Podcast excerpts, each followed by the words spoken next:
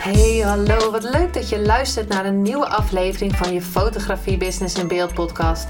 De fotografie podcast waarin ik elke aflevering inspiratie en tips met je deel hoe je als fotograaf een succesvolle business opbouwt. Mijn naam is Linda Hemmers, fotograaf en mentor voor fotografen en ik neem je mee in de wereld van de fotografie en het ondernemen. En dat allemaal met de juiste mindset, zodat jij je ideale klant gaat aantrekken en die business opbouwt waar je altijd al van hebt gedroomd.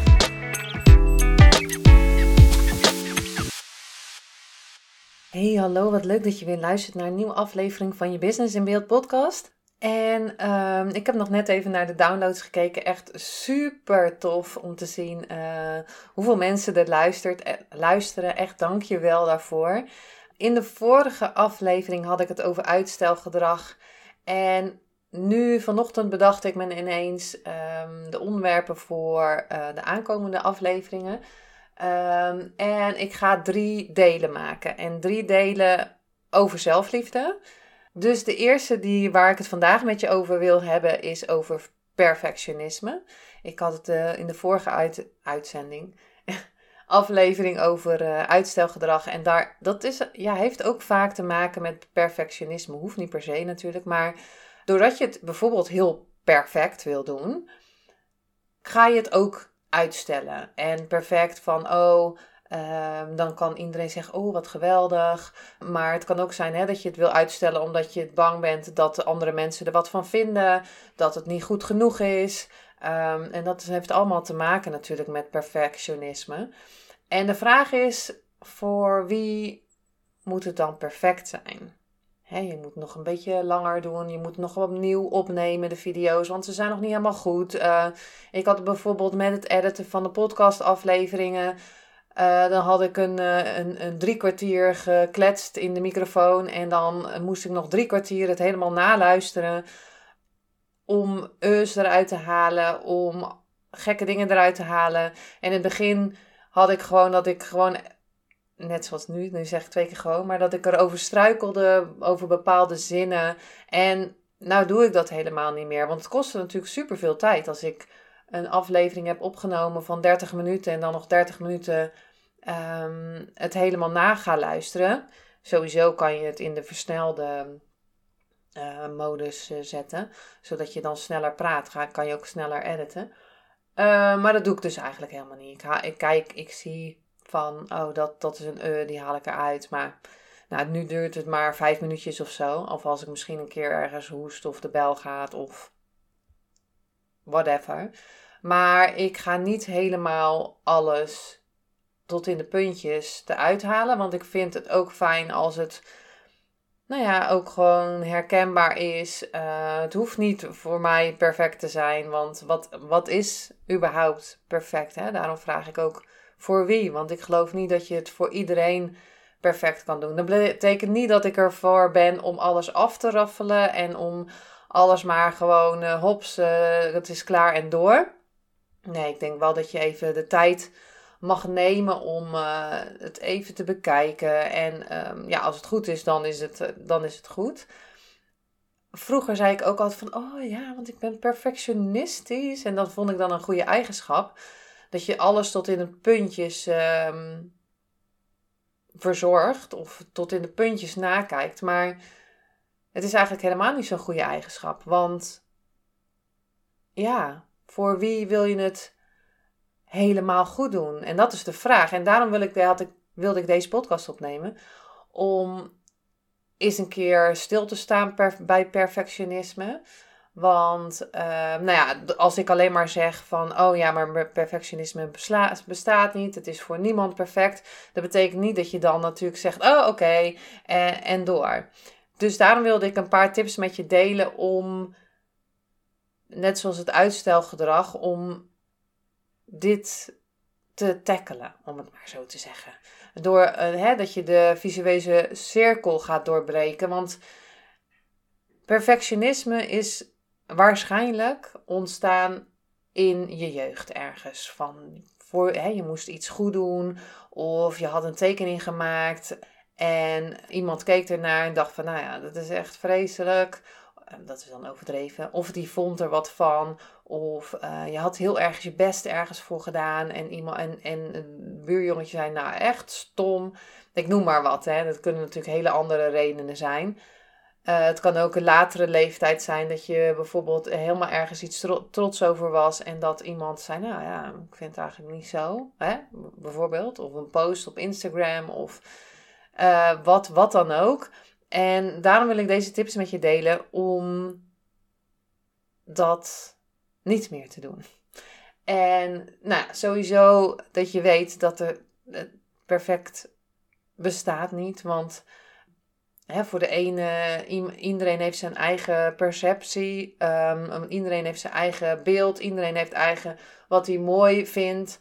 En de ene vindt dat mooi en de andere vindt, nou ja, vindt het misschien wel mooi, maar nou, niet helemaal uh, mooi. Bijvoorbeeld als ik een, foto van mij uh, edit op uh, Instagram uh, zet op Instagram, kan de ene het super mooi vinden. En dan kunnen het misschien ook tien vinden, honderd vinden. Maar kan iemand zijn van, nou ja, misschien ik vind het toch niet zo of zo. Dat kan.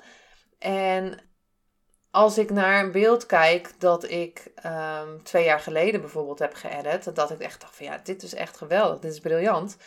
En nu dat ik er dan naar kijk van, want ik heb weer veel meer andere dingen geleerd, dat ik denk van, hé, hey, ja, dit had ik nog anders kunnen doen. Of dat zou nog anders gedaan kunnen zijn. En soms is het, hè, is het ook gewoon oké. Maar ik geloof dus echt dat je allerlei dingen leert. En je wordt beter in dingen. En je gaat dingen op een andere manier zien. En daar daar wil ik zeker ja, dat je dat nog mee geven. Um, dus een aantal tips die ik voor je heb om uh, die cirkel te gaan doorbreken. Stel je voor, je voelt van, nou, dit moet nog even een beetje, nog een beetje hier, nog een beetje daar. En word je bewust waarom je het doet. En daar begint het denk ik mee. Bewust worden of bewustwording van, hé, hey, maar waarom doe ik dat? Of uh, dat ik hoor van iemand van, oh ja, maar ik moet die filmpjes nog een keer opnemen, want um, ja, dit en dit en dit. En ja, maar waarom wil je dat doen? Waarom wil je nog iets langer eraan werken? Of uh, waarom durf je, wil je nog langer in Photoshop aan een foto werken? Of uh, waarom durf je je foto's en je tekst nog niet op je website te zetten? welke gedachten heb je daarbij? En dat is wel heel goed om dat eens een keer op te schrijven. Uh, misschien denk je nu, ja, ik heb weerstand voor al de dingen die ik op moet schrijven. Maar ja, het werkt toch om het op te schrijven.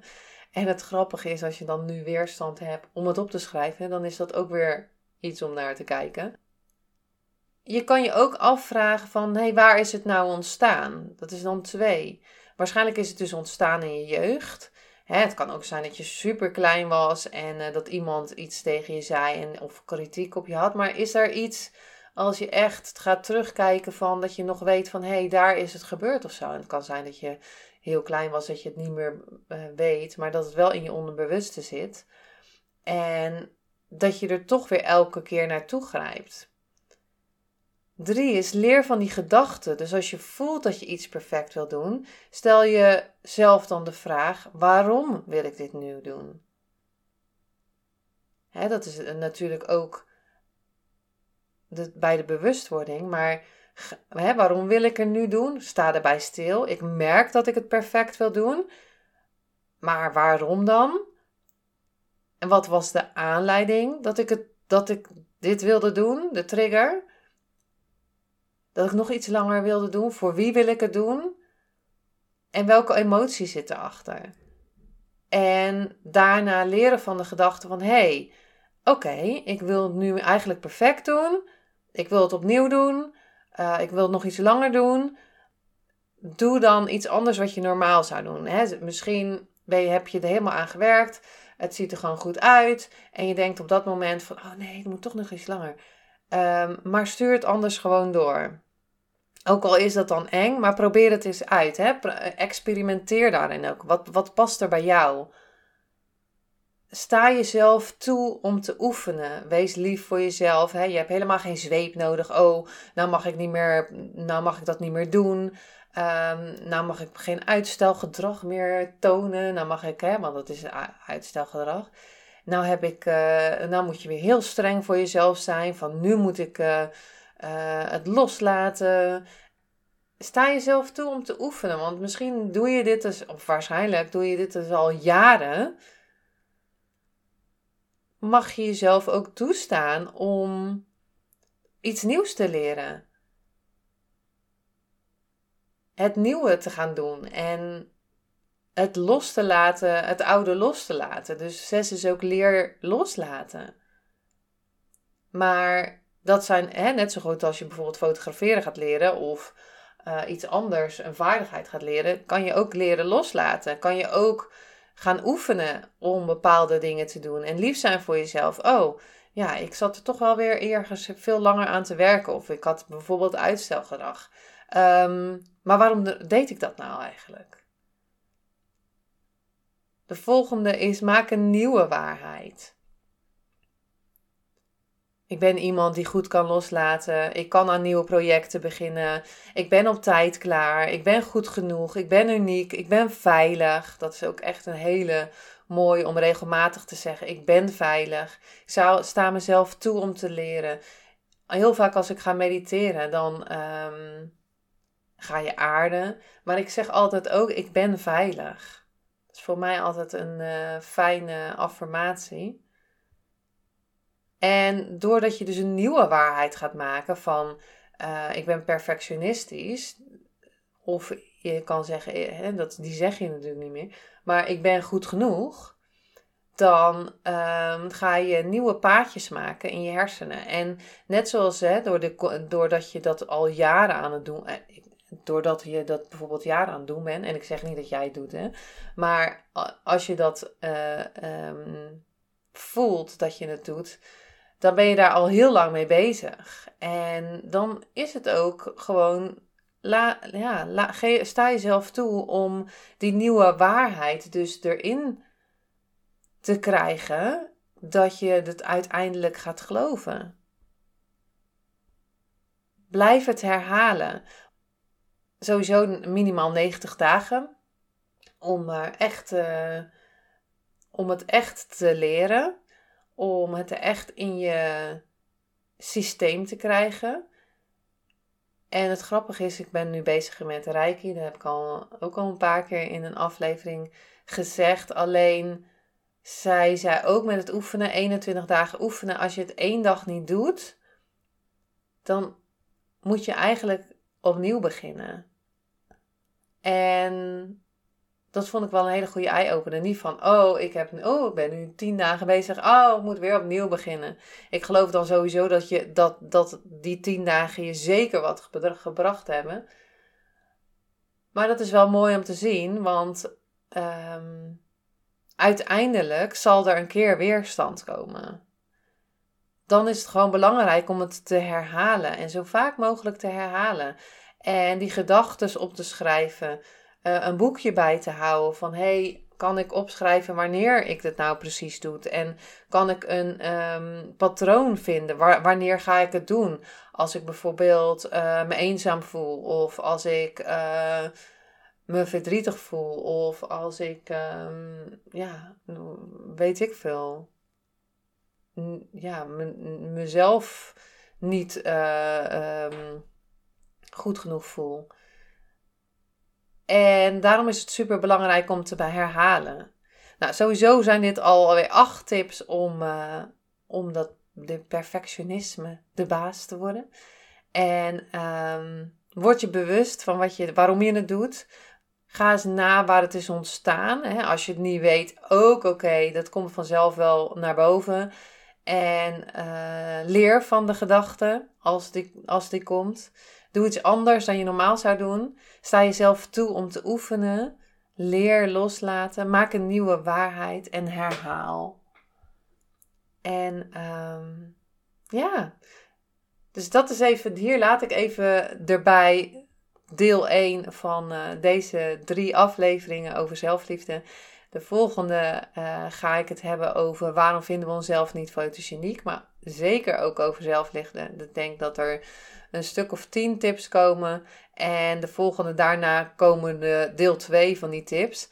En ehm, ja, ik hoop zeker dat je er wat aan gehad hebt. Ja, laat het me anders gewoon even weten op Instagram als je, als je een inzicht hebt gehad. En, uh, of als je de podcast luistert. Vind ik ook super leuk. Kijk even op Linde Hemmers Photography en uh, tag me in, uh, in een story bijvoorbeeld. Of stuur me gewoon even een DM. Vind ik altijd super leuk.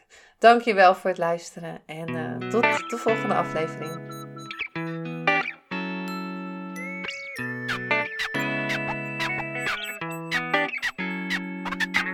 Superleuk en dankjewel dat je weer luisterde naar een aflevering van je Fotografie Business in Beeld podcast. Vond je deze aflevering interessant?